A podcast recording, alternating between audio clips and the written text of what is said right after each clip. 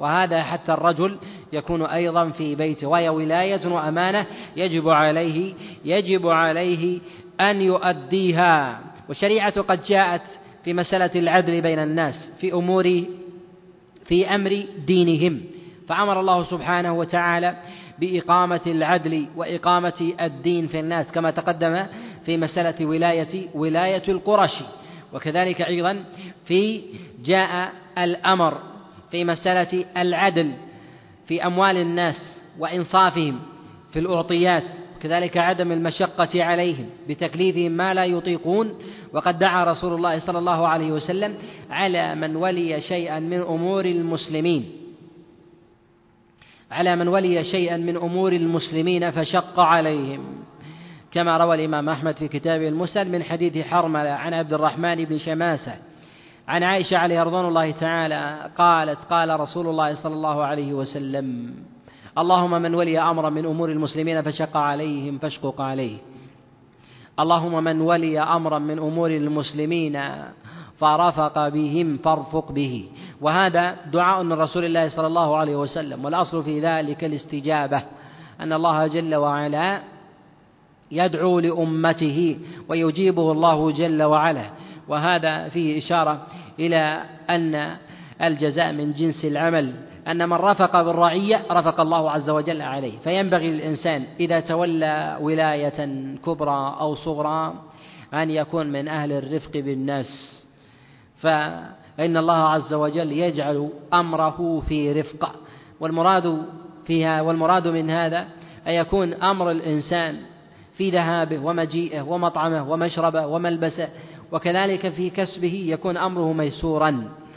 وكم من الناس يظن له ولايات ويظن أنه من السعداء ولكن الله عز وجل قد أحكم عليه ضيقا في عيشه. فما كل من وجد طعاما يستطيع أن يستسيغ الطعام. فأعظم بلاء وأعظم عقوبة أن تجد طعاما وقد منعت منعت من أكله. وأعظم الحرمان أن الإنسان يكون لديه من النعيم ما لا يستطيع أن يتلذذ به. فالمحروم أصلا ممن لا يتمكن من النعيم أعظم راحة في البال وسعادة في النفس وسعة كذلك في بال الإنسان ممن ممن وجد الشيء ثم ثم حرم ثم حرمه. ولهذا الله جل وعلا يعطي الإنسان ويأخذ منه. فإن فإن عدل الإنسان مع الله جل وعلا أعطاه. ولم يسلبه ولم يسلبه شيئا. فكان في هذا جزاؤه من جنس من جنس عمله. فإن كان من أهل الرفق وهذا ما تقدم في قول رسول الله صلى الله عليه وسلم إذا ما استرحموا رحموا. يعني إذا ما طلبت الرحمة منهم والعدل والإنصاف. وذلك أنه يغيب عنه معاني الظلم في الأفراد. ولكنه يدرك معاني الظلم في يدرك معاني الظلم في الجماعات والشعوب والبلدان. يعلم أن أن الشعب أو البلد أو المجتمع أو العائلة فقيرة أو لا لكنه لا يدرك حال الأفراد. ولهذا قال النبي عليه الصلاة والسلام استرحموا رحموا يعني طلبت منهم الرحمة ورفعت إليهم المظالم وجب عليهم أن يعدلوا. وفي هذا رفع لعذر من يقول أن من ولي أمرا من أمور عباد الله أنه يرفع عنه التكليف لعدم علمه بل يقال أنه ما رفعت إليه مظلمة ما رفعت إليه مظلمة وجب عليه أن ينتصر وما رفع إليه استرحام وجب عليه أن يرحم من استحق استحق الرحمة وهذا ما كان عليه الخلفاء أهل الصلاح. والديانة والعلم والفضل من أصحاب رسول الله صلى الله عليه وسلم. ولهذا عمر بن الخطاب عليه رضوان الله تعالى لما أدرك أنه لا يستطيع أن يقوم بحال الرعية لما اتسعت رقعة المسلمين قال اللهم وهن عظمي وكبر سني وكثرت رعيتي فاقبضني فاقبضني إليك. يعني أنه لا يملك من قدرته الجسدية ما يستطيع فيه أن يعدل بين الناس وأن يتتبع أفرادهم وأنه لا يكفي بما يرفع يرفع إليه. وهذا غاية العدل والإنصاف والخشية والخشية لله سبحانه وتعالى. ما من راع يسترعيه الله رعية فيموت. وهو غاش لرعيته إلا حرم الله عليه الجنة. والمراد بتحريم الجنة هي على نوعين. النوع الأول تحريم إلى أبد. النوع الثاني تحريم إلى أمد.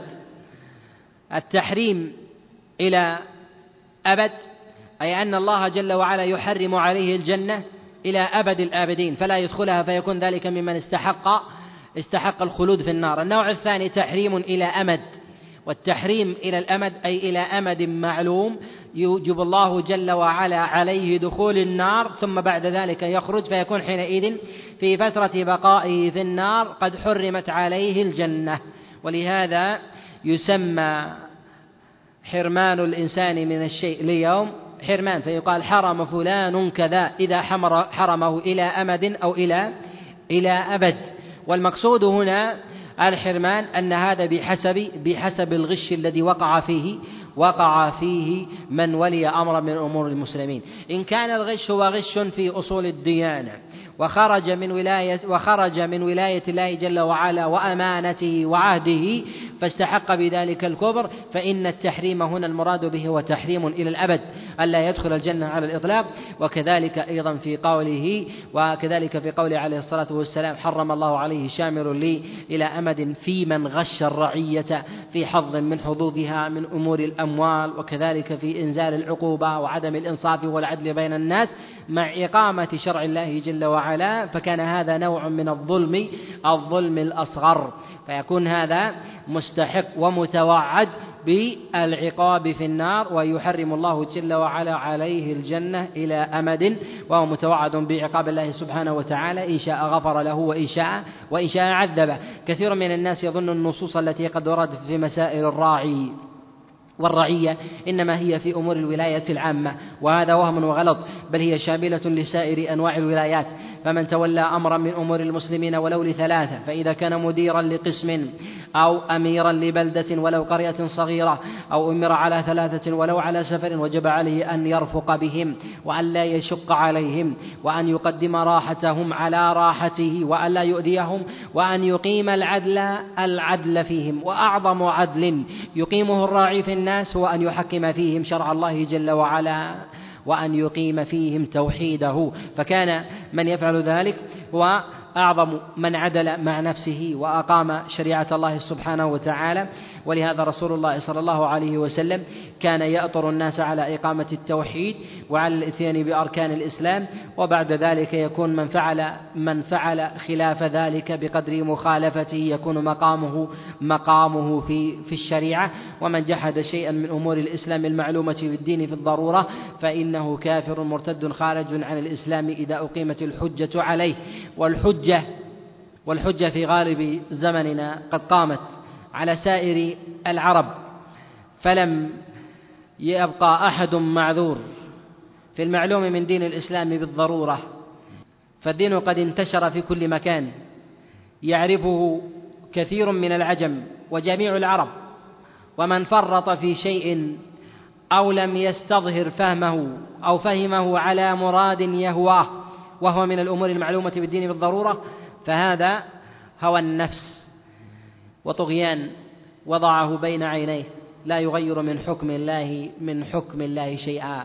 ولهذا يقول رسول الله صلى الله عليه وسلم كما في مسلم والذي نفسي بيده لا يسمع بي يهودي ولا نصراني ثم لا يؤمن بي إلا أدخله الله النار. قال عليه الصلاة والسلام لا يسمع بي. المراد بذلك هو السماع التي الذي إذا بلغ الإنسان على وجه يفهم ذلك المسموع لو أراد أن يفهم لفهم وإذا لم يفهم ورد عليه الحكم حكم الله جل وعلا جل وعلا في الأرض. وأعظم العدل في من خصه الشارع بالذكر بالعدل معه والإنصاف. وذلك على مراتب متنوعة أن يعدل الوالي والراعي مع من أمر الله جل وعلا بالعدل معهم على سبيل التخصيص سواء كانت ولاية دونية كولاية الرجل على زوجته وأولاده. ولهذا قال رسول الله صلى الله عليه وسلم خيركم خيركم لأهله. وأنا خيركم لأهلي. وقال النبي عليه الصلاة والسلام استوصوا بالنساء خيرا فإنهن خلقن من ضلع أعوج. وحينما خص رسول الله صلى الله عليه وسلم النساء بأهمية العناية والرعاية دليل على أنها أولى بالعناية من غيرها من أهل دار الإنسان وذلك لتخصيص النبي عليه الصلاة والسلام أمرها. وهذا بحسب الوجوه المنصرفة إليها بالرعاية والعناية. فالشارع قد أطلق أمر العناية فيها وخصها في وخص بعض الذين أو بعض الرعاة بشيء من الخصيصة كحال الأبناء بالأمرهم بأمرهم بالصلاة وتعليمهم الحق ونحو ذلك. كذلك أيضا في مسألة الراعي وذلك أنه لا يمكن أن ينصرف وأن ينبعث معه الحق إلا وقد علم الشريعة وحكم وحكمه. فمن كان جاهل في الشريعة لا يمكن أن يتصور أقوال الحق. ولهذا أول ما ينصرف إليه الأمر في من يستحق الولاية أن يكون من أهل العلم بحكم الله جل وعلا وأمره. وأن يكون عالما على الأقل بأصول الإسلام والمعلوم من الدين بالضرورة حتى لا يفرط فيها. ولهذا النصوص تطلق في كلام الله جل وعلا بطاعة أولي الأمر والأمر ينصرف إلى أهل العلم. وذلك أن النصوص كانت تنزل والنبي عليه الصلاة والسلام ولي أمر المسلمين. ثم الخلفاء الراشدون الأربعة. ثم من جاء بعدهم وكانوا من أهل العلم ولو كان في بعضهم نقص في بعض دينه إلا أنه من أهل العلم والدراية والمعرفة. ولهذا ما زال المسلمون في الأزمنة السابقة وفي القرون الأولى كانوا يلون أمور المسلمين في دينهم ودنياهم. في مسائل الدين يصلون بهم الصلوات ويخطبون بهم الجمع والعيدين ويوجهونهم وإن كان فيهم تقصير. وذلك لأهمية العناية بهذا الأمر بشأن الدين والدنيا. حتى جاء بعد ذلك عصور وتقادم بالناس العهد فانفصل في كثير من المجتمعات أحوال الدين عن أحوال أحوال الدنيا. وهذا أورث نقصا في كثير من من هذين الحالين في أمور جوانب الدين وبلاغها وكذلك اختلاف القدوة على الناس منهم من يرى قدوة دينية ومنهم من يرى قدوة دنيوية والقدوة في ذلك مردها إلى من قسم هذا هذه الأقسام وأصل هذه الأصول وهو الشرع وهو كلام الله جل وعلا وكلام رسول الله صلى الله عليه وسلم. نعم. وعن أبي سعيد الخدري عن النبي صلى الله عليه وسلم قال إياكم والجلوس بالطرقات قالوا يا رسول الله ما لنا بد من مجالسنا نتحدث فيها قال رسول الله صلى الله عليه وسلم إذا أبيتم إلا المجلس فأعطوا الطريق حقه. قالوا وما حقه؟ قال غض البصر وكف الأذى ورد السلام والأمر بالمعروف والنهي عن المنكر. هذا الحديث قد جاء من حديث عطاء زيد وبه وهذا الحديث في قوله عليه الصلاة والسلام إياكم والجلوس في الطرقات إياكم هي تحذير الجلوس في الطرقات وهي ليست من ألفاظ النهي الصريحة التي التي تندرج في أمور المحرمات. ولهذا المحرم إذا أطلق إذا أطلق لا يستثنى. فالنبي عليه الصلاة والسلام حينما قال إياكم والجلوس لو فهم الصحابة عليهم رضوان الله تعالى من ذلك تحريم لما راجعوا النبي عليه الصلاة والسلام في ذلك. ولكنهم فهموا فهموا عدم تشديد في النهي فأتوا إلى رسول الله صلى الله عليه وسلم فقالوا يا رسول الله ما لنا بد منها. ولهذا ما استحكم في أقوالهم وأفعالهم من بعض المنهيات التي نهى الشارع عنها قالوا سمعا وطاعة ولم يستدركوا على رسول الله صلى الله عليه وسلم كما حرمت كثير من كثير من المحرمات. وهذا في الاستدراك في قول إياكم دليل على كونها ليست من الألفاظ الصريحة بالتحريم وإنما هي دليل على الكراهة وإياكم والجلوس في الطرقات. وهذا فيه إشارة إلى أن الطرقات إنما هي موضع للعبور لا موضع موضع للجلوس. وإذا قيد النص في في الجلوس هنا فإنه يدخل فيه ما كان دونه كحال الاضطجاع أو النوم في الطرقات ونحو ذلك. فليست هي موضع هي موضع لي موضع لجلوس الناس. وكذلك لنومهم. ونعلم من هذا أن ما يذكره الفقهاء من مسألة وهي تتعلق بمسائل الحج وهي المبيت بمنى أن من لم يجد موضعا إلا الطرقات يقال أن هذه منهي عنه وليست هي من مواضع من مواضع الجلوس. لأن النبي عليه الصلاة والسلام قال إياكم والجلوس في الطرقات ومن لم يجد إلا هذه المواضع نقول أن هذه ليست مواضع ليست مواضع جلوس. فضلا عن أن تكون مواضع مواضع منام ويقال أن هذا منهي عنه.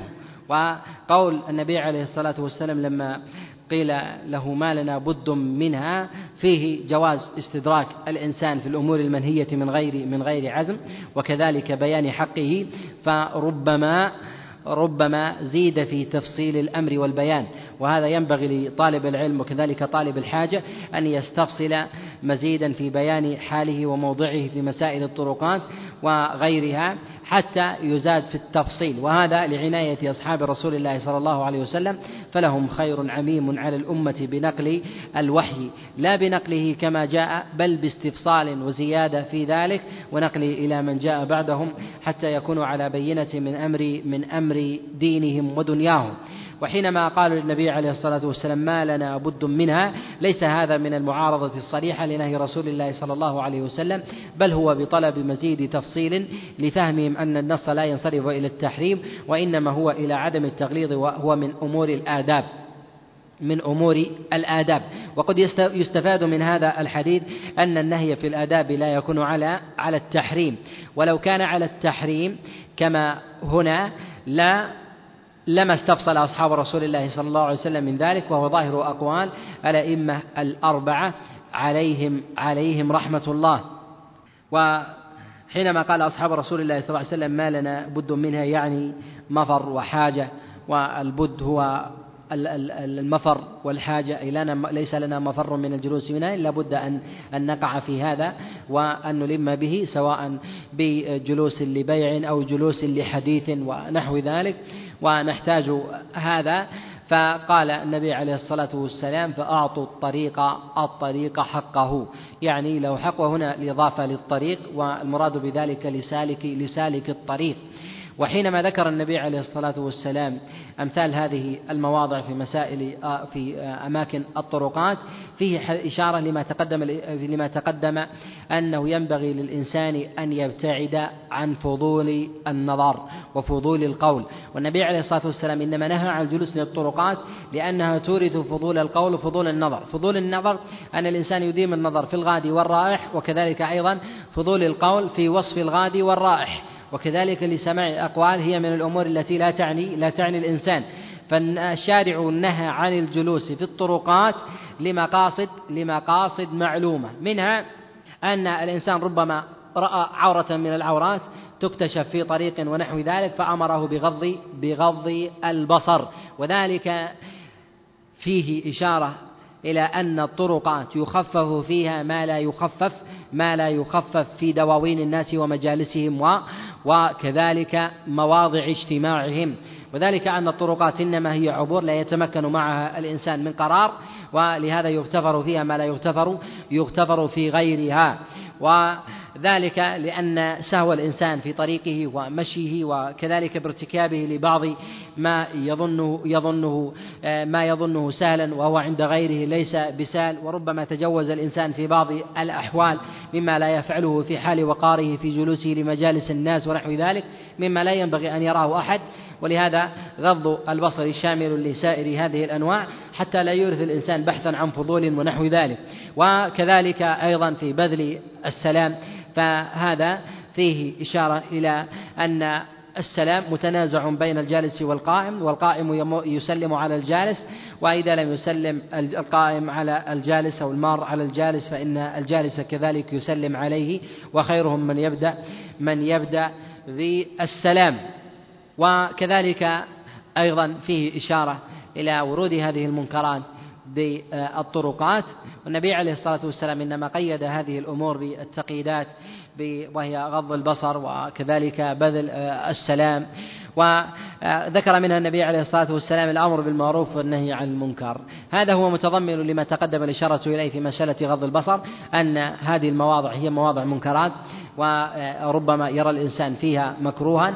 وهذا إذا كان في زمن النبي عليه الصلاة والسلام ورود المكروه في الطرقات ف إن إنه في من جاء بعدهم من باب من باب أولى. لهذا ينبغي للإنسان فأنه إذا رأى مكروها في الطرقات أن يبين قدره أن المنكر في الطرقات يختلف عن منكر عن منكر مقنن يوضع في مجالس أو يوضع في دواوين أو في اجتماع الناس ونحو ذلك لأن أمور العبور تختلف عن أمور عن أمور غيرها. ومع ذلك رسول الله صلى الله عليه وسلم بين أن هذه الأمور العارضة ينبغي أن تنكر أن تنكر وتبين وذلك أنه يؤمر بالمعروف وينهى عن المنكر وهذا من حق من حق الطريق. وفيه إشارة إلى أنه ينبغي أيضا كما أنه الاحتساب في الأمور التي الدائمة كذلك في الأمور العارضة. فالنبي عليه الصلاة والسلام أشار إلى مسألة الاحتساب حتى في الطرقات فيشرع لولي الأمر أن يعين من يحتسب في طرقات المسلمين ليأمر بالمعروف وينهى وينهى عن المنكر. لهذا الخبر فهو من حق الطريق.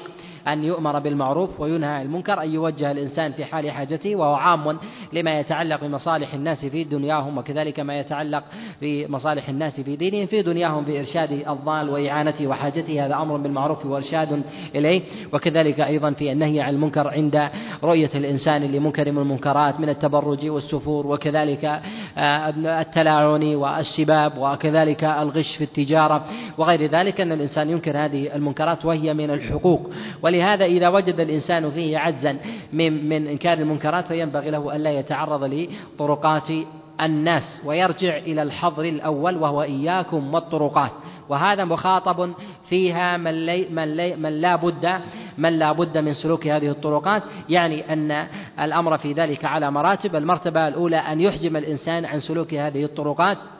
وأنه إن كان ولا بد من دخولها فليقم بهذا الأمر. لهذا أن من قال أنه يجوز لي أن أسلك الطرقات ذاهبا وغاديا مع عدم الإتيان بهذه الأوامر التي أمر رسول الله صلى الله عليه وسلم بها هو ما امتثل النهي وما امتثل الحق الذي أمر به فهو غاية وهو أسوأ الأحوال في ذلك. وأكملها أن الإنسان أن الإنسان يقوم بالأمر بالمعروف والنهي عن المنكر وغض البصر وبذل السلام في الطرقات من غير جلوس. وهذا هو هو أعلاها بأن يغدو الإنسان ويروح لحاجته ولا ولا يجلس فيها فيضرب الطرقات ويعطيها كما سميت بغدو ورواح. ويأتي بعد ذلك مرتبة من أمسك عن هذه من آه، ويأتي بعد ذلك مرتبة من جلس في هذه الطرقات وأداها حقها. ويأتي بعد ذلك مرتبة من أمسك عن هذه الطرقات وظن منه أنه يقصر في أداء الحق. ولهذا ينبغي للإنسان أن يعرف حاله وأمره في مقام في مقام في مقام الطرقات وأداء الحقوق حتى يؤديها كما أمر النبي عليه الصلاة والسلام بذلك حتى يعان ويوفق. وينبغي للإنسان كذلك أن يسأل الله عز وجل الهداية. فإن سؤال الإنسان لله عز وجل الهداية متضمن للحاجة والفقر والجهل واستحكامه وعدم العلم. وكذلك متضمن لوكال الأمر لله سبحانه وتعالى وإظهار ضعف العبد ومن كان كذلك أعانه الله جل وعلا وسدده ولو كان في أمر يسير. أسأل الله عز وجل لي ولكم التوفيق وصلى الله وسلم وبارك على نبينا محمد. يقول إدخال آلات اللهو هل هو من الغش أم لا؟ نقول اللهو بابه واسع. إذا كان من اللهو المحرم فهو من الغش فهو من الغش للرعية. واللهو المحرم ما حرم في ذاته من وضع الإنسان مثلا لبعض القنوات الماجنة هي محرمة في ذاتها وهو من الغش. وهناك لهو مباح وتارة يكره ولكنه يدخل في باب الجواز.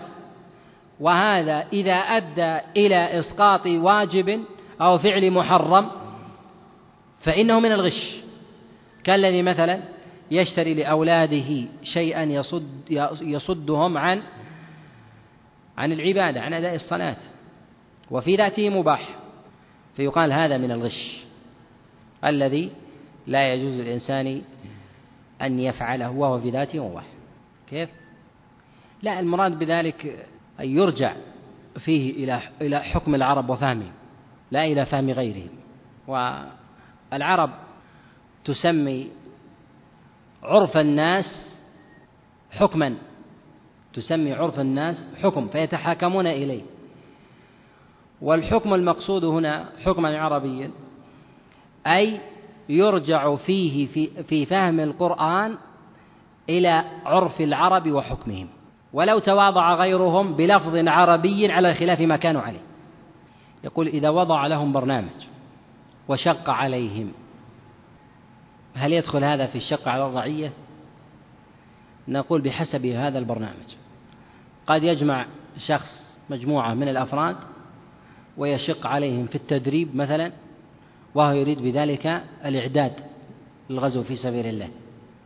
فهذا ما أطاقوا ولم يفسد عليهم جسدا ولم يضيع لهم شيئا واجبا في أعيانهم حالا من الأمور الشرعية فهذا من الأمور المحمودة وليس من المشقة. وإذا كان من الأمور التي لا قيمة لها وهي من التوافه كالرياضات ونحو ذلك يلزم الإنسان مثلا بأن يقفز كثيبا من رمل أو يرمي الكورة إلى حد معين بعيد ويقال له إذا لم ترمي الكورة لا تخرج من الملعب. ونحو ذلك هل تنتصر الأمة بالكورة؟ رمى أو لم يرمي؟ الأمر لا نفع فيه. يقال هذا من المشقة. بل هو من الفساد. بل هو أيضا أيضا من الفساد. الرياضة لا أحد يروح الإنسان بها عن نفسه ويقوي بدنه. وما عاد وما زاد عن ذلك من الحد فهو فهو لغو ولهو باطل. كيف؟ لا. يقول هل يجوز المبيت في الطرقات لمن أعطى الطريق حقه؟ نقول كيف يعطي الطريق حقه وهو نائم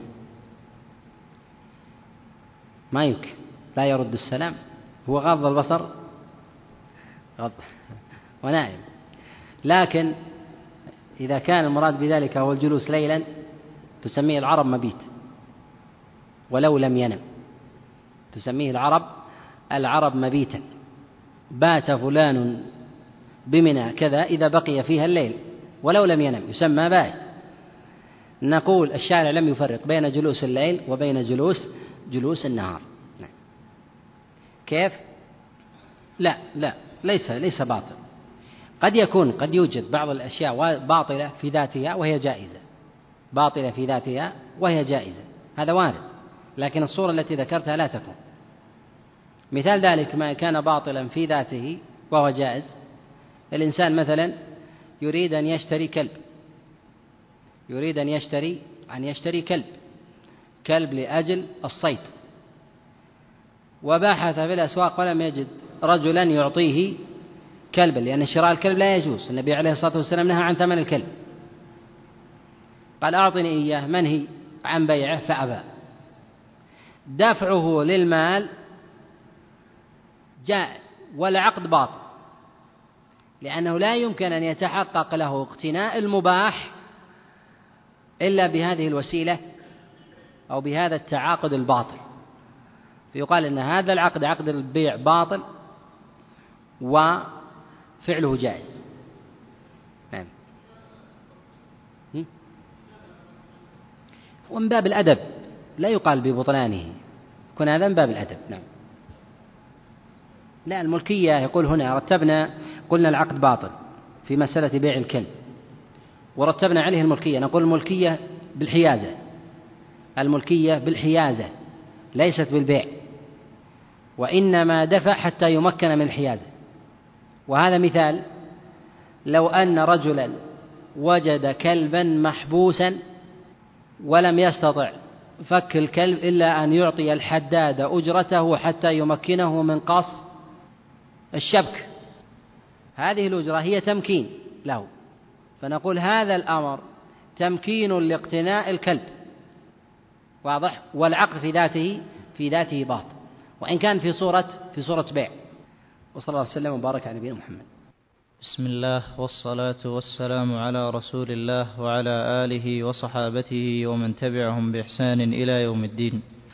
قال المؤلف رحمه الله تعالى وعن معاوية بن أبي سفيان قال قال رسول الله صلى الله عليه وسلم من يرد الله به خيرا يفقهه في الدين ولا تزال عصابة من المسلمين يقاتلون على الحق ظاهرين على الحق ظاهرين على من ناوأهم إلى يوم القيامة. الحمد لله رب العالمين وصلى الله وسلم وبارك على نبينا محمد وعلى آله وأصحابه ومن تبعهم بإحسان إلى يوم الدين أما بعد. هذا الحديث قد رواه البخاري ومسلم من حديث حميد عن معاوية عن رسول الله صلى الله عليه وسلم وهو في بيان منزلة الفقه في دين الله وفي قوله عليه الصلاة والسلام هنا من يرد الله به خيرا يفقهه في الدين.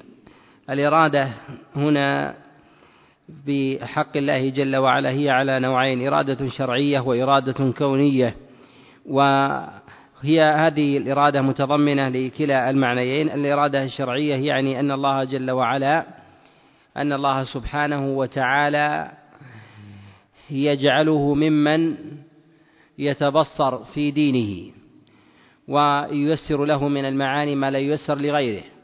وهي في الأغلب تتحقق في الإرادة الكونية أكثر من كونها في الإرادة الشرعية. وهنا في قوله عليه الصلاة والسلام يريد الله به خيرا. الخيرية المراد بها هي في عاجل الإنسان وآجله وتظهر هنا في آجل الإنسان وذلك عند عند نصب الميزان. وذلك أن الإنسان كلما كان ممن من أهل الفقه في دينه كلما عظم له الأجر وذلك بتبصره بمراتب العبادة. والعلماء يتميزون بمعرفتهم بمواضع العبادة قليلة قليلة الجهد عظيمة الأجر وحسن العاقبة. ولهذا المتقرر في الشريعة أن النية تعظم العمل. وكذلك فإن العمل قد يؤجر عليه الإنسان ولو كان ولو كان الجهد قليلا. أكثر من غيره ممن كان جهده أو نصب الإنسان فيه كثيرا. ولهذا قد جاء رسول الله صلى الله عليه وسلم كما في صحيح مسلم في حديث جويرية حينما قال قلت أربع كلمات ثلاث مرات لو وزنت فيما قلت سائر اليوم لوزنته سبحان الله وبحمده عدد خلقه ورضا نفسه وزنة عرشه ومداد كلماته. في هذا دليل على أن الإنسان قد يقول كلمة من الكلمات تفوق جهد الإنسان العملي. وفي هذا أيضا إشارة إلى أن العمل لا يقارن بجنسه. بجنسه من جهة الابتداء ولا من جنسه أيضا من جهة العمل. من جهة الابتداء قد يفوق القول العمل عمل الأركان وقد يفوق عمل الأركان أيضا قول اللسان ولا ينظر إلى جنسه من جهة الابتداء كذلك أيضا من جهة ذات العبادة لا ينظر إليها بذاتها. فقد يقال أن الإنسان إذا تقرب لله جل وعلا بركعتين أعظم من عبادة أخرى يتعبدها الإنسان بأركانه من غير الصلاة. وقد يقال أن الإنسان يفعل عبادة من العبادات المتأكدة أعظم ممن هو أكثر منها عددا لاختلاف آخر أو لمزية أخرى قد جعلها المشرع فيه. وذلك مثلا كصلاة الوتر. صلاة الوتر هي أعظم نافلة النهار. وعلى خلاف عند العلماء في كونها في كونها بعد راتبة راتبة الفجر أو قبلها. وهي عند عامة العلماء أنها وإن كانت في أصلها ركعة واحدة إلا أنها أعظم من ركعتين من سائر النوافل سواء كانت من صلاة الليل أو النهار. وذلك أنه لا ينظر إلى ذات العبادة من جهة العمل ولا ينظر إليها من جهة ذاتها أيضا من جهة الإخلاص ولكن ينظر إلى مجموع إلى مجموع الدوافع التي تقوي العمل. وهذه الدوافع يكون العالم بصيرا بها. فإذا كان بصيرا بها وفق إلى معرفة إلى معرفة مواضع الأجر عند الله جل وعلا وهذا هو الذي قصده رسول الله صلى الله عليه وسلم في قوله هنا يريد الله به خيرا يفقهه في الدين. هذه هي الخيرية وكذلك أيضا آه، الخيرية العاجلة للإنسان من جهة راحة البال وسعة آه، صدره وذلك أن الإنسان كلما كان متبصرا بعقيدته وكذلك ما كان عليه مما يفعله واثق الخطى فيما فيما يقدم عليه كذلك واثق النفس مطمئن فيما يقبض يقبض عنه نفسه. يكون الإنسان حينئذ من أهل راحة البال بخلاف الإنسان الذي يتعبد عبادة وهو مستريب في الراجح فيها أو عدمه. وإذا كان من أهل التمكن في العلم فإنه يكون من أهل الطمأنينة. ولو أنه يخالف أهل عصره لأنه يعلم أنه ما تعبد إلا بنص ودليل ظاهر من كلام الله جل وعلا وكلام رسول الله صلى الله عليه وسلم. كذلك أيضا ما يحصل ما يحصل للإنسان في هذه الدنيا من توابع من توابع الأجر والنفع لكثير من العبادات التي يفعلها فتأتي تبعا لبعض هذه العبادة كما أن النبي عليه الصلاة والسلام قد أثنى أو أجاز كثيرا من الأجور التي يأخذها الإنسان على ما كان من العبادات المتمحضة كمسألة الرقية والرزق وما يجعله النبي عليه الصلاة والسلام.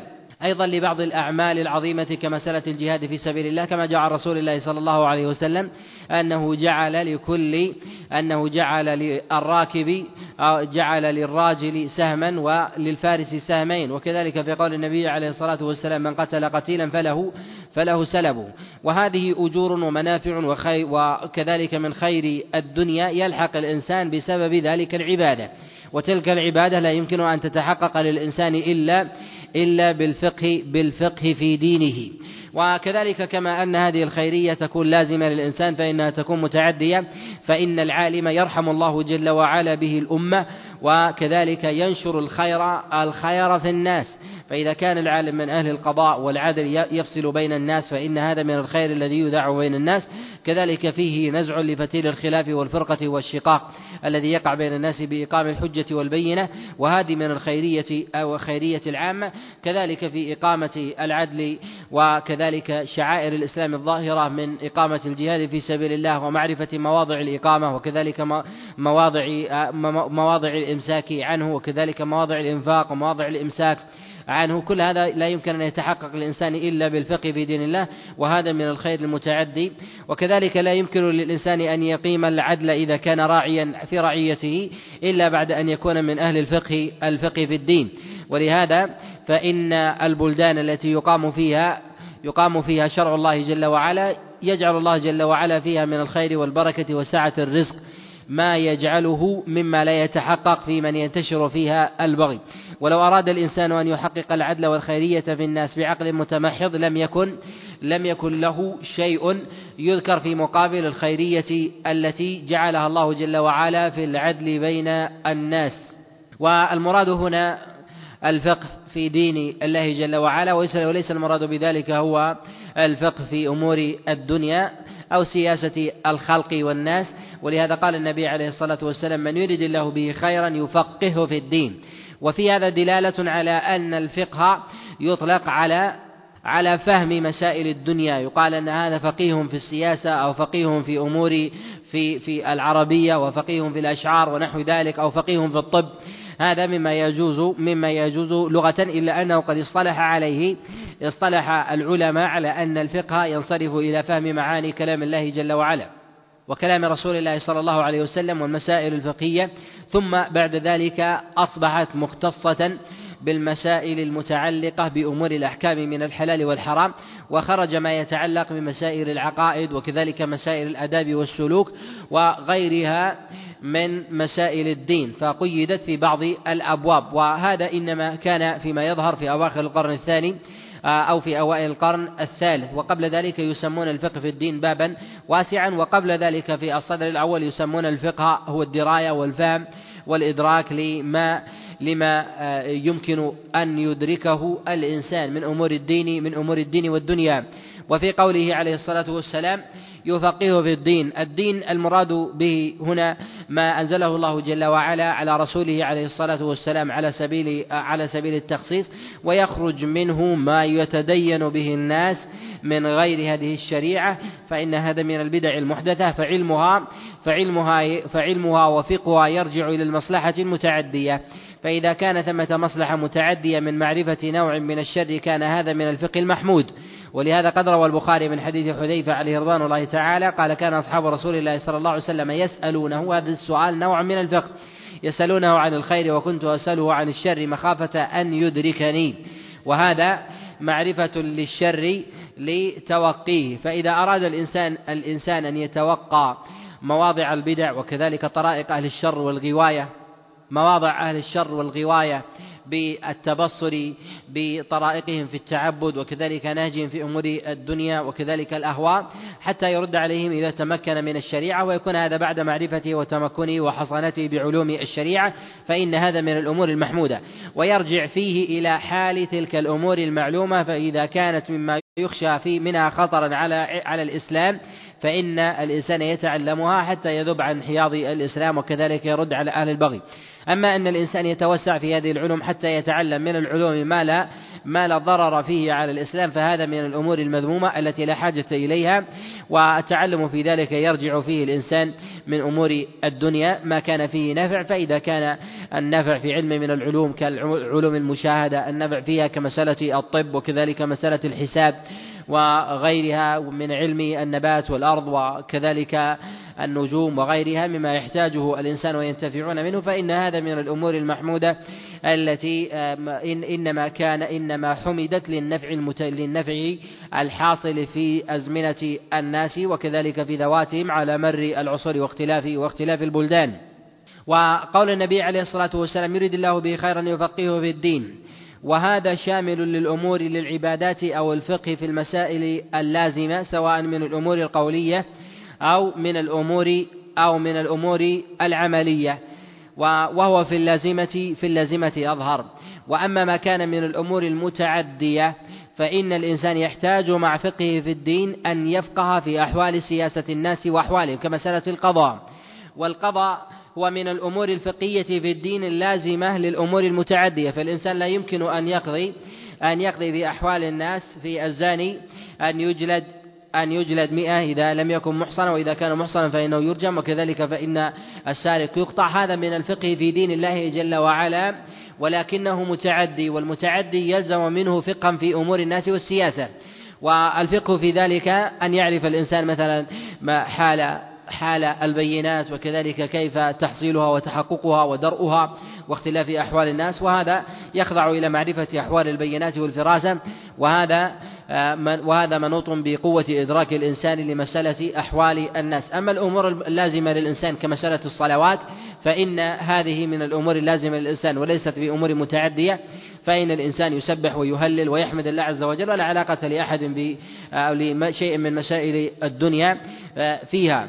ولهذا يقال أن النبي عليه الصلاة والسلام قصد هذا الأمر في الأمور اللازمة وقصده في الأمور المتعدية ولا يجرد ذلك أن الأمور المتعدية لا يتفقه الإنسان فيما كان متعديا من مسائل أحوال الناس مسائل القضاء وكذلك مسائل السياسة ومعرفة ومعرفة حق الراعي للرعية ومعرفة حق الرعية على الراعي وكذلك معرفة أحوال أهل الدنيا في مسائل التعامل مع الحكام وكذلك وكذلك أيضا سياسة الدول.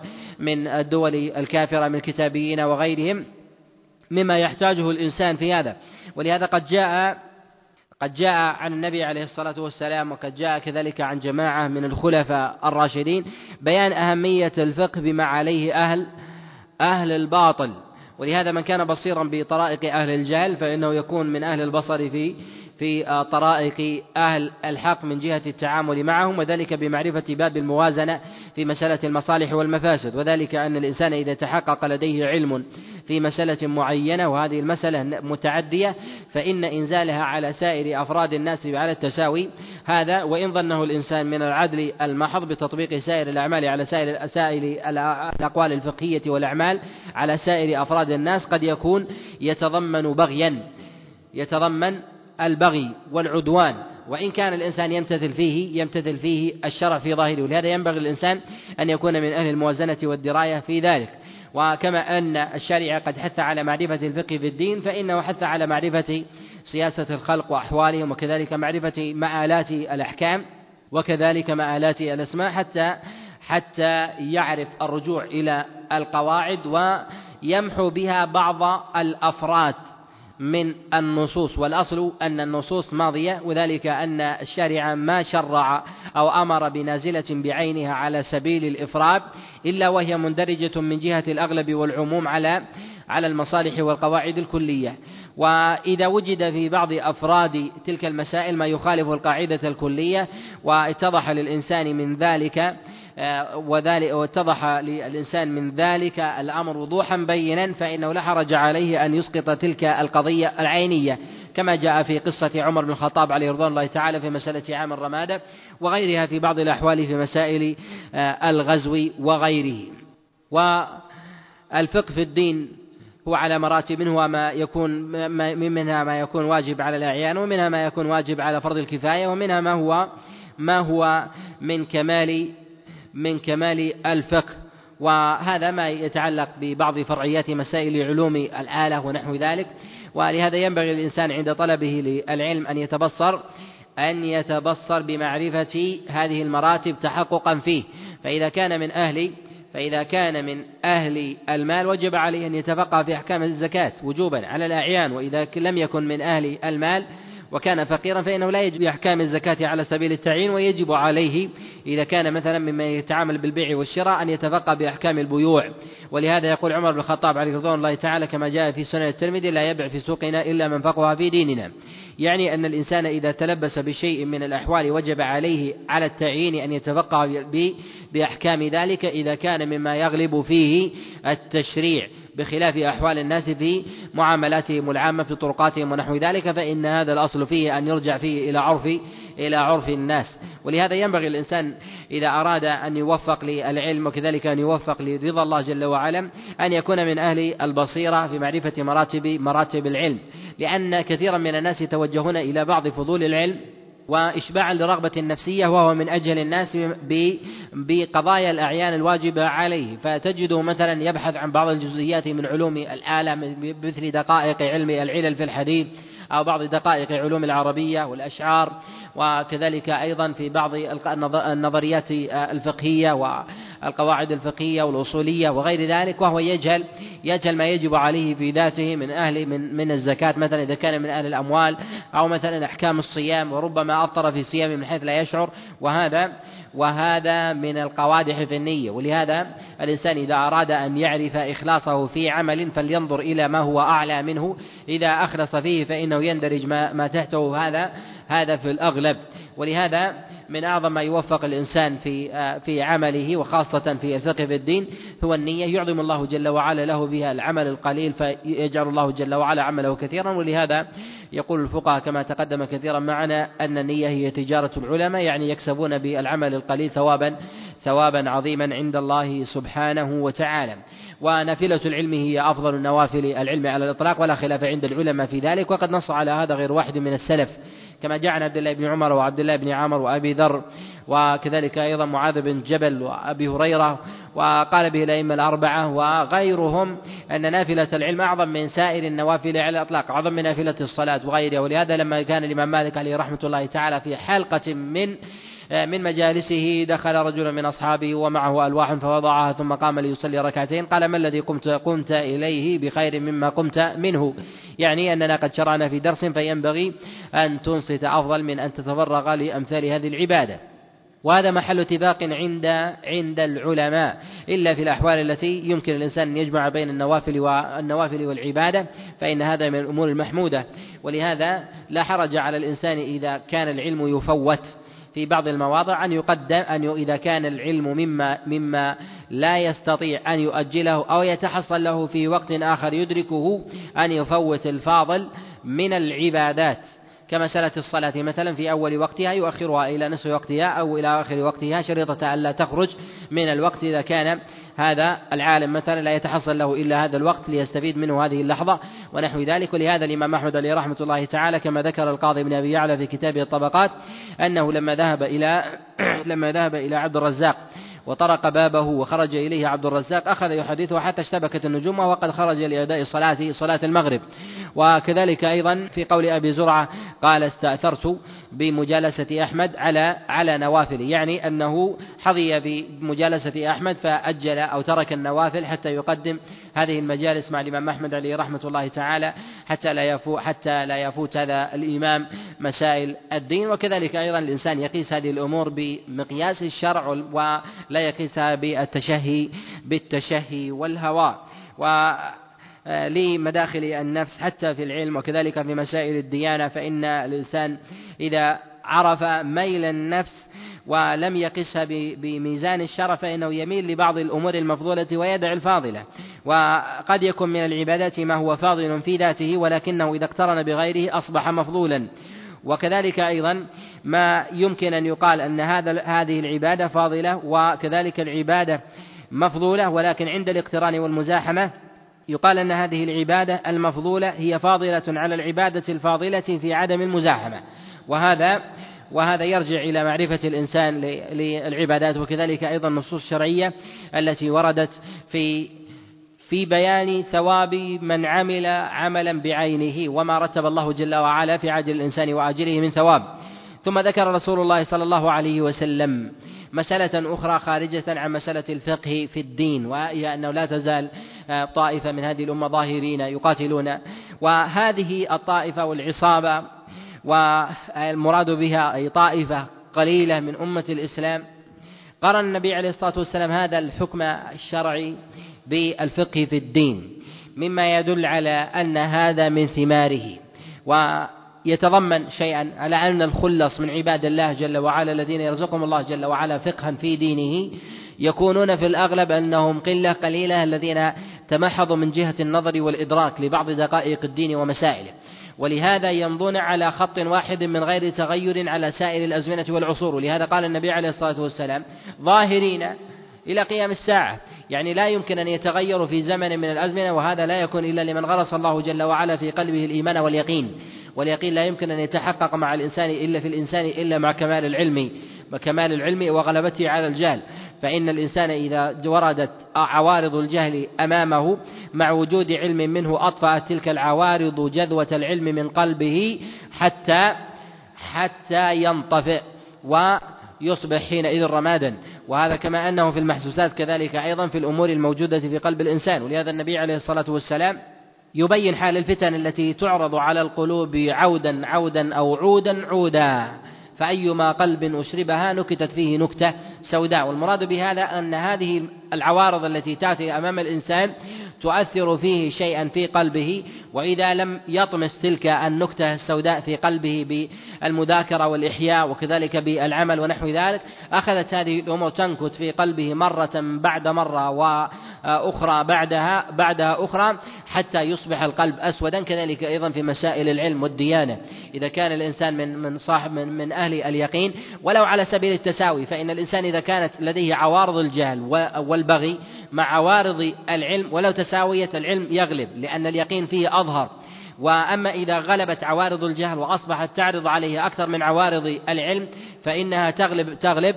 تغلب العلم وهذا أمر معروف ولهذا الماء الفاسد. ولو كان إذا كان كثيرا وجاء إلى الماء الطيب ولو كان من زمزم فإنه يفسده ويغير الرائحة. كذلك أيضا كذلك أيضا في مسألة الأمور المعلومة التي يتبصر فيها الإنسان من معرفة حكم الله جل وعلا. لهذا ينبغي للإنسان إذا كان ممن تعرض له مسائل الجهل والبغي وكذلك معارضة دين الله عز وجل أمامه بكثرة وممن يعتني فيها ينبغي له الموازنة وإلا فلا يلوم نفسه إذا وجد اضطرابا في الفهم وكذلك أيضا قلقا في معرفة وحيرة في معرفة الصواب من الحق عند كثير من القضايا خاصة بالقضايا التي تنزل في تنزل بالأمة. والنبي عليه الصلاة والسلام إنما ذكر هذه الطائفة والعصابة من الأمة التي تبقى ووصف بأنها تقاتل وكذلك أيضا أيضا قليلة. وهذا وهذا إشارة إلى وصفها بالعصابة وتقاتل وهي باقية على هذا الأمر وهذا متضمن جملة من المسائل. أولها أن هذا من آثار العلم وفيه إشارة إلى الثبات وأن الأكثر من يخالف من هذا الأمر. وهذا أيضا كما أنه في مسألة القتال. في سبيل الله قد يكون فيما هو دق فيما دق من مسائل الديانة ممن لم ترد فيه نصوص عن النبي عليه الصلاة والسلام أظهر من مسائل القتال يكون أعظم من جهة التلبيس والاضطراب. ولهذا كلما كانت كان كان في الشريعة من المسائل ما قل فيه النصوص ورودا و كانت عوارض الجهل فيه أكثر والنصوص الجاهلية فيها أكثر كلما احتاج الإنسان قوة إلى الإغال في الحق حتى يحمي نفسه من من عوارض عوارض الجهل والبغي. والنبي عليه الصلاة والسلام قد بين كثيرا من مسائل الدين بيانا حكما حكما شرعيا وبين أيضا ما أحوال الأمة بعد ذلك في الأزمنة المتأخرة كما في مسألة الجهاد. ظاهرين على أمر الله لا يضرهم من خذلهم ولا من خالفهم إلى قيام الساعة. وهذا فيه أيضا المسألة الثانية في هذا أن أن الجهاد في سبيل الله لا ينقطع في فترة من الفترات على الإطلاق ولكنه ينتقل من أرض إلى أرض ومن قال أنه أنه يندثر الأرض هذا من الجهل المحض. والنبي عليه الصلاة والسلام قد بين هذا الأمر وبين عليه الصلاة والسلام أيضا في نصوص أخرى قد جاءت وفيها ضعف وهي مجموع طرقها لا بأس بها. قد جاء عند ابن عساكر وكذلك عند أبي عمرو الداني من حديث عبد الرحمن بن زيد بن أسلم عن أبيه عن رسول الله صلى الله عليه وسلم أنه قال لا يزال الجهاد حلوا خضرا. ما نزل القطر من السماء وإنه يأتي أقوام يقولون لا جهاد. أولئك عليهم لعنة الله والملائكة والناس والناس أجمعين. وقال النبي عليه الصلاة والسلام في رواية أخرى أن الجهاد حينئذ حينئذ خير الجهاد وأعظمه وهذا يدل على أن الجهاد محفوظ إلى قيام الساعة. كذلك أيضا ينبغي أن يعلم النبي عليه الصلاة والسلام كما أنه حفظ وبين بين هذه المسألة وأن الجهاد باقي إلى قيام الساعة. ينبغي أيضا أن يتبحص الإنسان مسائل مسائل الجهاد وقضاياه وأن لا يغلب بابا أو نصا معين على نص آخر بل بل ينظر إلى إلى إلى تحقق المسائل المسائل الشرعية التي يكون لدي فيها الجهاد. فما كل من حمل السلاح لحمل راية التوحيد يكون مجاهدا وما كل من ادعى تحكيم الشريعة يكون محكما للشريعة وكل ما من ادعى التدين يكون متدينا وما كل من ادعى من ادعى الصلاح يكون صالحا وما كل من ادعى العدل يكون عادلا. الأسماء لو الألفاظ والمعاني والمصطلحات ينبغي ألا تغر الإنسان بل ينظر إلى الحقائق وينزلها على الشريعة حتى يكون من أهل التمييز والبصيرة في هذا حتى لا يضل ويضل. فضلا. وهذا في مسألة عامة الناس فضلا عن مسائل العلماء الذين ينظرون في مسائل الديانة ويقتدي بهم الناس ويأخذون ويأخذون قولهم. وفي هذا الحديث مسألة وهي والمسألة الثالثة في هذا وهي أن الذين أو هذه العصابة الظاهرة التي تقاتل إلى قيام الساعة أن أعظم وصف فيها هو المقاتلة. يعني يجتمع فيها أوصاف لكن أبرز ما تكون فيه هي المقاتلة في سبيله ولهذا النبي عليه الصلاة والسلام قدم بعد ذكر العصابة يقل قدم فيها مسألة وصف وهو وصف القتال. وما قال القتال بعد أوصاف؟ أنه قال مثلا مؤمنة عابدة صالحة تقاتل في سبيل الله. لا وإنما ذكر القتال يعني أن هذا هو الوصف الذي تعرف تعرف آه، آه، به. وهذا من علامات نبوته عليه الصلاة والسلام. كذلك أيضا في مسألة قوله عليه الصلاة والسلام هنا في آه، قوله عليه الصلاة والسلام كما جاء في رواية الإمام مسلم لا يضرهم من خذلهم ولا من خالفهم فيه إشارة إلى أنهم يخالفون ويعنف عليهم ويعنف عليهم ويعادون ويبغى عليهم ولكنهم أصحاب يقين وهذا اليقين رزقوا إياه بالإيمان واليقين والعلم والتبصر بأحكام الشريعة وعدم النظر إلى أقوال أقوال الناس. إذا نظر الإنسان إلى هذه المسائل وهي القلة القليلة وكذلك الوصف العام والأغلب في ذلك وهو المقاتلة. كذلك أيضا عدم الخذلان واقتران ذلك بالفقه في دين الله عز وجل أن أعظم ما يثبت الإنسان في مسائل الدين وعند الفتن التي تزلزل القلوب هو الفقه في دين الله. فإذا ثبت هؤلاء الفقه في دين الله وهو القتال وهم عصابة قليل قتال الأنفس الإنسان ممكن أنه أنه مثلا على سبيل المثال ممكن يتزحزح في في مال. أن يخاطر في ماله هناك يقول لا تضع مالك في هذه التجارة تخسر. أو مثلا أو لا تتزوج هذه المرأة فإن فإنها عرق دساس أو نحو ذلك. فممكن الإنسان أنه أنه يقدم نحو ذلك لأنه لأن هذا المخاطرة فيه يسيرة. ولكن قتال في سبيل الله. والناس أيضا يخذلون يخذلونهم بأنواع التخذيل. وهم عصابة قليلة والأمر مخاطرة. والإنسان لا يملك إلا نفسا واحدة. لا تجارب كثيرة. دل واضع البركة. وقد جاء النبي عليه الصلاة والسلام لعق الصفحة يعني إذا كانت الصفحة مثلا خاصة بالإنسان ونحو ذلك الإناء الصغير وبقي فيها من الطعام مما لا يستطيع الإنسان مثلا أن يتناوله بيده لا حرج عليه أن يتناوله أن يتناول بفمه. ولهذا النبي عليه الصلاة والسلام قد جاء عنه في العقل الصفحة في حديث جابر بن عبد الله أيضا وغيره.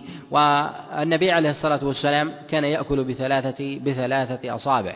جاء عنه عليه الصلاة والسلام أنه كان يأكل بثلاث أصابع وجاء هذا أيضا عن جماعة من الصحابة جاء عن عبد الله بن عمر من حديث مجاهد عن عبد الله بن عمر عليه رضوان الله تعالى أنه كان يأكل بثلاث أصابع يلعقها وكذلك أيضا جاء عن عبد الله بن عباس عليه رضوان الله تعالى من حديث عكرمة عن عبد الله بن عباس عليه رضوان الله تعالى وجاء أيضا من حديث آه، من حديث عبيد الله بن أبي يزيد عن عبد الله بن عباس عليه رضوان الله تعالى أنه كان يلعق أصابعه أصابعه الثلاث ولعق الأصابع الثلاث فيما يؤكل بثلاث.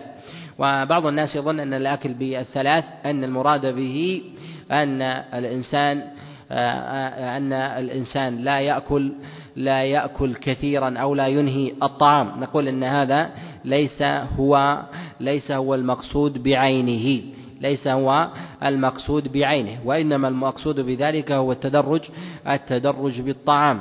ولهذا بعض الناس مثلا ينظر إلى بعض الأطعمة وعلى اختلاف أنواعها ويتناولها بثلاثة أصابع وهذا فيه نظر. وذلك مثلا من يأكل الرز بثلاثة أصابع هل يقال أنه اتبع السنة؟ لا ما اتبع السنة. لماذا؟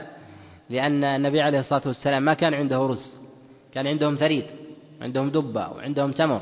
هذا يتناول بثلاث ولا يتناول بالخمس؟ لا يمكن أن يتصور الإنسان يأخذ الثريد بخمسه. كذلك أيضا التمر الدبة ونحو ذلك. أما بالنسبة للأرز الذي يريد يقول أني آخذ بثلاث أصابع الأرز وأن يظن أنه يتبع السنة وإن كان بعض الكتاب من يقول ذلك هذا بعد والأرز ما عرف إلا إلا بعد ذلك عرف في أواخر عصر أصحاب رسول الله صلى الله عليه وسلم. وهذا مما يدل على أن أن طالب العلم إذا عرف شيئا من مسائل التاريخ حتى تاريخ الأطعمة يفيده في مسائل الفقه ويفيد أيضا في أبواب حتى في أبواب العلل. فإذا جاء في مثلا في حديث مثلا في حديث عبد الله بن عمر أن صدقة زكاة الفطر صاعا من تمر أو صاعا من طعام أو صاعا من أرز نقول أن الأرز هذا هذا ضعيف.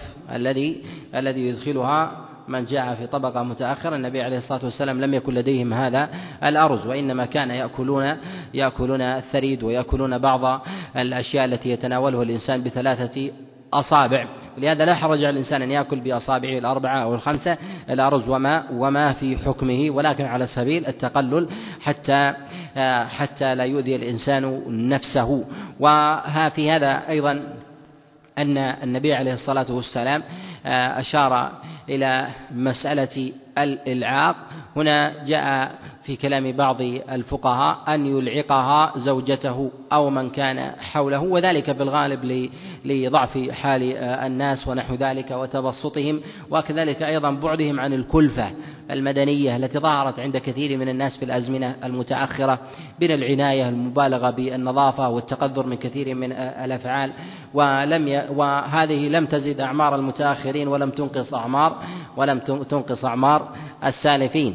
في المبالغة مسألة النظافة وغسل اليدين ونحو ذلك مع أن الشريعة قد جاءت في التنظف مما لم يحدث في نظام على الإطلاق حتى في في الحضارة في الحضارة العصرية في الوضوء وغسل المواضع الظاهرة من الإنسان في وضوئه في اليوم خمس مرات وغير ما جاء من اغتسال مسألة الجنابة والجمع ولا يوجد حتى في في أصحاب أهل أهل الطب الذين في زماننا لم يكن لديهم من العناية بنظافة البدن كما في الإسلام ولا ولا في ولا في آه، مواضع آه، المواضع التي تحتاج فيها إلى إلى نظافة ونحو ذلك في مسألة الخلاء والغسل بعده ونحو ذلك. ولهذا جعل الشارع لمسائل التطيب اليمين ولمسائل النجاسة الشمال.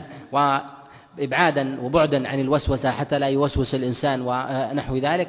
ولهذا قد جاء عند ابن أبي شيبة من حديث منصور عن سالم ابن أبي الجعد عن أبيه أنه دعاه على طعام. وقد خرج من الخلاء فقال إني تبولت قال إنك لم تتبول في يدك. فكل معنا. وهذا يدل على أن الوسوسة الزائدة الشريعة جعلت اليمين لي للطعام وهي نظيفة دائم ويغسلها الإنسان في اليوم خمس مرات. أما أن يمتنع الطعام وعن عن شيء حتى يذهب ويتكلف ونحو ذلك بخلاف لو كان الأمر ميسورا ونحو هذا وهذا قد جاء عن عمر بن الخطاب عليه رضوان الله تعالى أيضا كما جاء في حديث هشام بن عروة عن أبيه أنه خرج من الخلاء فقيل ناتيك بوضوء تتوضأ به قال لا إني إني لا إني لا أستنجي بيميني. وهذا يدل على أن الإنسان ينبغي أن يكون نظيفا دائما دخل خلاء أو لم يدخل خلاء وأن يحترز ليمينه قدر إمكانه ولا يخلط هذه بهذه. وتطبيق النظريات الغربية على على المجتمعات المسلمة التي لديها نظام في النظافة أصلا أولئك الغرب ليس لديهم نظام في النظافة وليس لديهم تمييز اليمين عن الشمال فاليمين لديهم فاليمين لديهم تقع في النجاسة ويتنظفون بها ويمسحون بها لا ينزهونها عن شيء ولهذا يتكلمون عن مسألة عن مسألة غسل اليد عند في كثير من المواضع ونحو ذلك فلأنها تطرأ عليها النجاسة كما تطرأ على الشمال وهذا نوع من في عدم فهم ما كان عليه من يتكلم في مسائل النظريات العصرية في مسائل النظافة وكذلك التطيب ونحو ذلك وعدم فهم كذلك أيضا طريقة أهل الإسلام في هذا. وينبغي الإنسان أيضا أن يحتاط في مسائل النظافة قدر قدر إمكانه ووسعه. وهذا جاء في الطعام والأكل. هل يقال أيضا أنه في المشروبات؟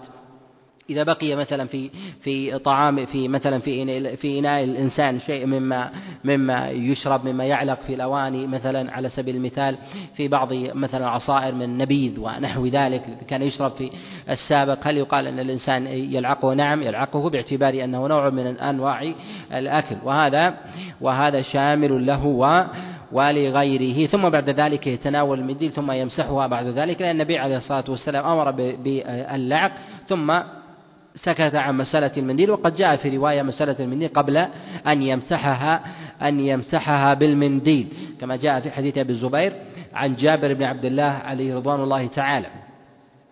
نعم.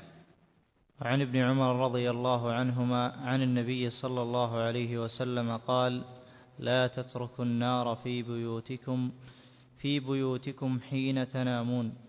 هذا الحديث في الصحيحين وغيرهما من حديث سالم عن عبد الله ابن عمر عن رسول الله صلى الله عليه وسلم وفي قول النبي عليه الصلاة والسلام في النار لا تدعوها في بيوتكم. المراد بهذا النار بجميع أنواعها سواء كانت النار الموقدة التي يوقدها الإنسان لتدفئة أو كذلك ما كان جمرا ما لم يكن لهبا فإنه يسمى نار. ويدخل في ذلك أيضا من باب في في حكم هذا السرج والمصابيح ويدخل فيها حكما في زماننا هي المصابيح الموجودة فإن الإنسان ينبغي أن يطفئها في البيت ما لم يكن ثمة مصلحة من, من إبقائها فإن مثلا قد يكون مثلا في بعض المصابيح في إيجاد في وضعها في وضعها في بعض الأماكن أو إبقائها في الليل ما ما يبعد مثلا السراق أو مثلا في حال خروج الإنسان إلى فجره حتى يبصر طريقه ونحو ذلك وفيها بعد عن طريق الإنسان فإن هذا مما لا حرج فيه. ولهذا كان بعض السلف يطفئ حتى السرج التي يستضيئون بها كما جاء عند ابن أبي شيبة من حديث عطاء من حديث ابن جريج عن عطاء أنه كان يطفئ السرج ويكره أن يبقى السراج عند نومه ويدخل في هذه المصابيح وهي في نظري أنها, أن أنها قريبة أنها قريبة من السرج وقد تكون أولى من وجه وذلك أن هذه المصابيح هي أقرب للالتماسات الكهربائية وأن إذا حدث فيها شيء ربما يفسد الدار كلها بخلاف بخلاف السرج ونحو ذلك فإنها في الغالب تكون معلقة ونحو هذا. وقد سمى النبي عليه الصلاة والسلام النار عدوا. قد تم النبي عليه الصلاة والسلام النار عدوا كما جاء في حديث بريد بن عبد الله عن أبيه وهو أبو موسى عليه رضوان الله تعالى قال أن فارا أخذت فتيلا ثم ثم ذهبت به إلى السقف. تريد تريد أن تحرقه؟ فقال النبي عليه الصلاة والسلام إن هذه النار عدو لكم فأطفئوها عند عند منامكم. وهذا إشارة إلى أن الإنسان يتقي هذه النار. المراد بالعداوة ليس المراد بذلك أنها بذاتها تريد تريد أن أن تحرق بيت الإنسان والعرب تتجوز في أمثال هذه العبارات ولكنها تريد أن هذه الأشياء إن وقعت فعلت ما لا يفعله العدو في الإنسان. ما لا يفعله العدو في الإنسان من إفساد ماله وإفساد أهله ونحو ذلك فأذته أذية أذية بالغة مما يستحق معه الوصف الوصف بالعدو. ولهذا الله عز وجل ذكر أن الأموال والأولاد عدو لكم. يعني عدو لكم وهي أيضا من الفتنة. عدو لكم أي أنها ربما تفعل في الإنسان من من من الصد عن متاع الدنيا والتلذذ فيها وأمر الآخرة ما ما يحدث ما يحدث آه، في العدو المتمحض العدوان. وهذا هو مقصود النبي عليه الصلاة والسلام في هذا وظاهر في اصطلاحاته في كثير من الأساليب وكذلك في ظاهر كلام الله كلام الله جل وعلا. وينبغي للإنسان كذلك أن يلحق في مسألة النار ما في ما في حكمها مما مما يحتمل معه أذية أذية الإنسان. كسائر ما يمكن الإنسان أن أن يؤذيه في بيته مما يمكن أن ينتشر وغير ذلك. من مسائل مثلا على سبيل المثال الأمور الغازية السامة ونحو ذلك التي ربما أن تنتشر وتفسد على الإنسان أو تسبب حريقا أو أو تقتل كتما. وكذلك مصادر الدخان والأبخرة ونحو ذلك مما يفسد على الإنسان مما يفسد على الإنسان نفسه وماله وداره. وهذا ما يدل على حماية الشريعة وعنايتها في أمور في أمور الناس. في خاصتهم وكذلك في الأمور المتعدية عنهم. وهذا لا يكاد يوجد إلا في هذه الشريعة العظيمة التي امتن الله جل وعلا بها على هذه الأمة. وقد اعتنى بذلك أيضا الخلفاء الراشدون عليهم رضوان الله تعالى. فقد روى ابن أبي شيبة في كتابه المصنف من حديث ابن السيرين أن أن عمر بن الخطاب عليه رضوان الله تعالى لما بعث أبا موسى إلى البصرة الأشعري ذهب إليهم فقال أتيتكم من أمير المؤمنين أعلمكم دينكم ونظافة طرقكم. والمراد بهذا أن هذه الطرق بحاجة إلى إلى عناية وهي من الإسلام وأن يوضع مثلا أن يوضع مواضع للتعليم معرفة أطفاء الحريق وكذلك مخاطرها في الدور وكذلك أيضا طرائق تنظيف الدار وكذلك الطرقات ومسالك الناس في ذهابهم إلى مساجدهم وإلى سوقهم ونحو ذلك. هذا مما كان يدعو إليه الإسلام ويدعو إليه الخلفاء الراشدون عليهم رضوان الله تعالى بالعناية في هذه الأمور وهي من الإسلام. ولهذا النبي عليه الصلاة والسلام جعل إماطة الأذى عن الطريق من الصدقات. نعم. وعن أبي سعيد الخدري رضي الله عنه أنه قال نهى رسول الله صلى الله عليه وسلم عن اختناث الأسقية أن يشرب من أفواهها. ما يتعرف يعني دلالة المفهوم؟ هنا يسأل عن مفهوم الخطاب. يسميه الأصوليون مفهوم الخطاب.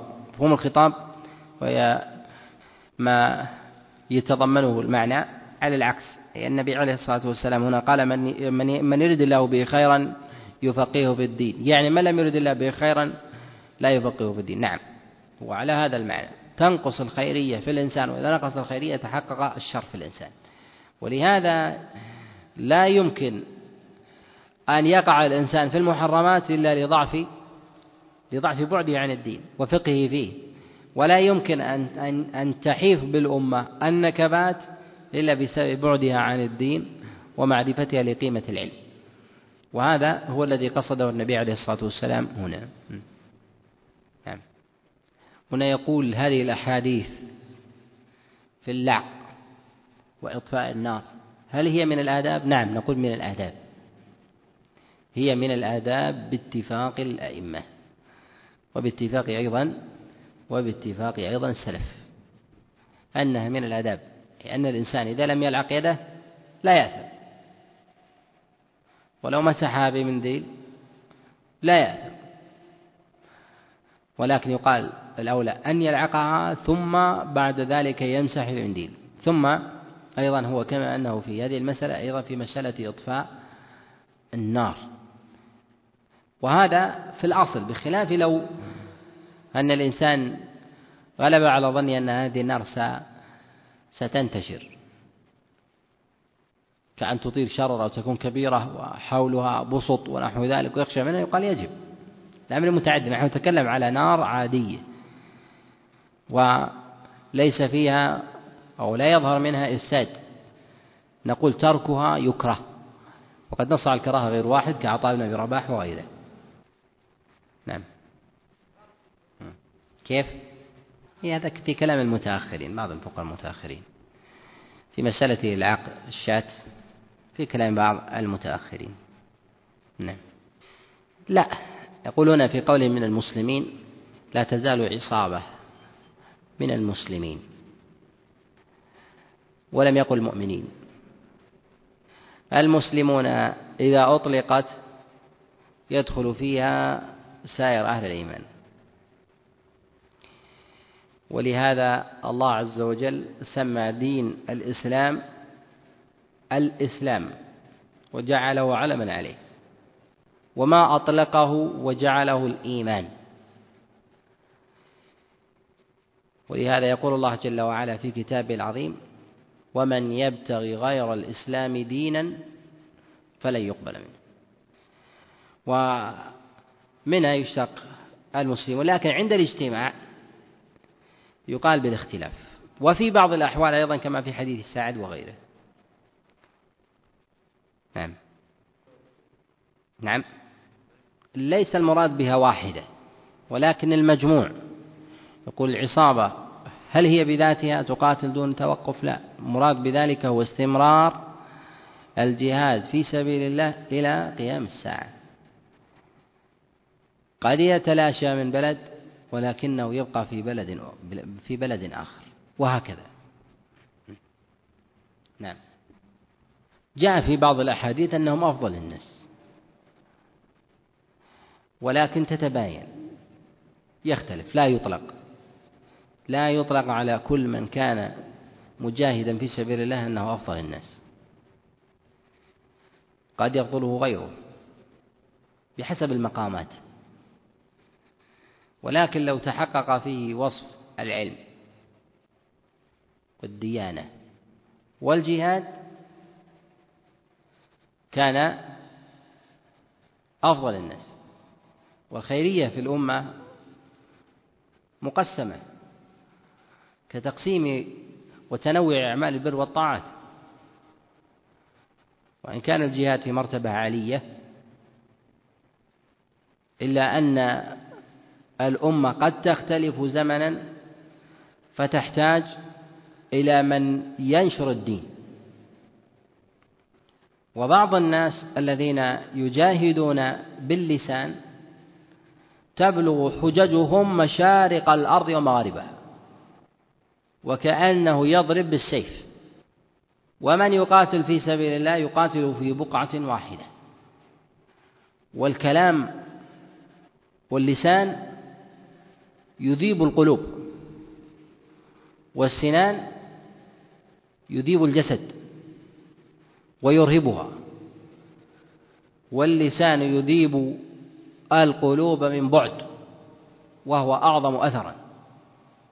واللسان والسنان يذيب الأجساد عن قرب. والمسألة في ذلك موازنة. لا يطلق هذا ولا يطلق هذا بحسب الزمن وبحسب كذلك أيضا النوازل العارضة فالجهاد مراتب منها ما يجب على الأعيان ومنها ما هو على الكفاية وهكذا. نعم. وصلى الله وسلم وبارك على نبينا محمد. بسم الله والصلاة والسلام على رسول الله وعلى آله وصحبه ومن تبعهم بإحسان إلى يوم الدين.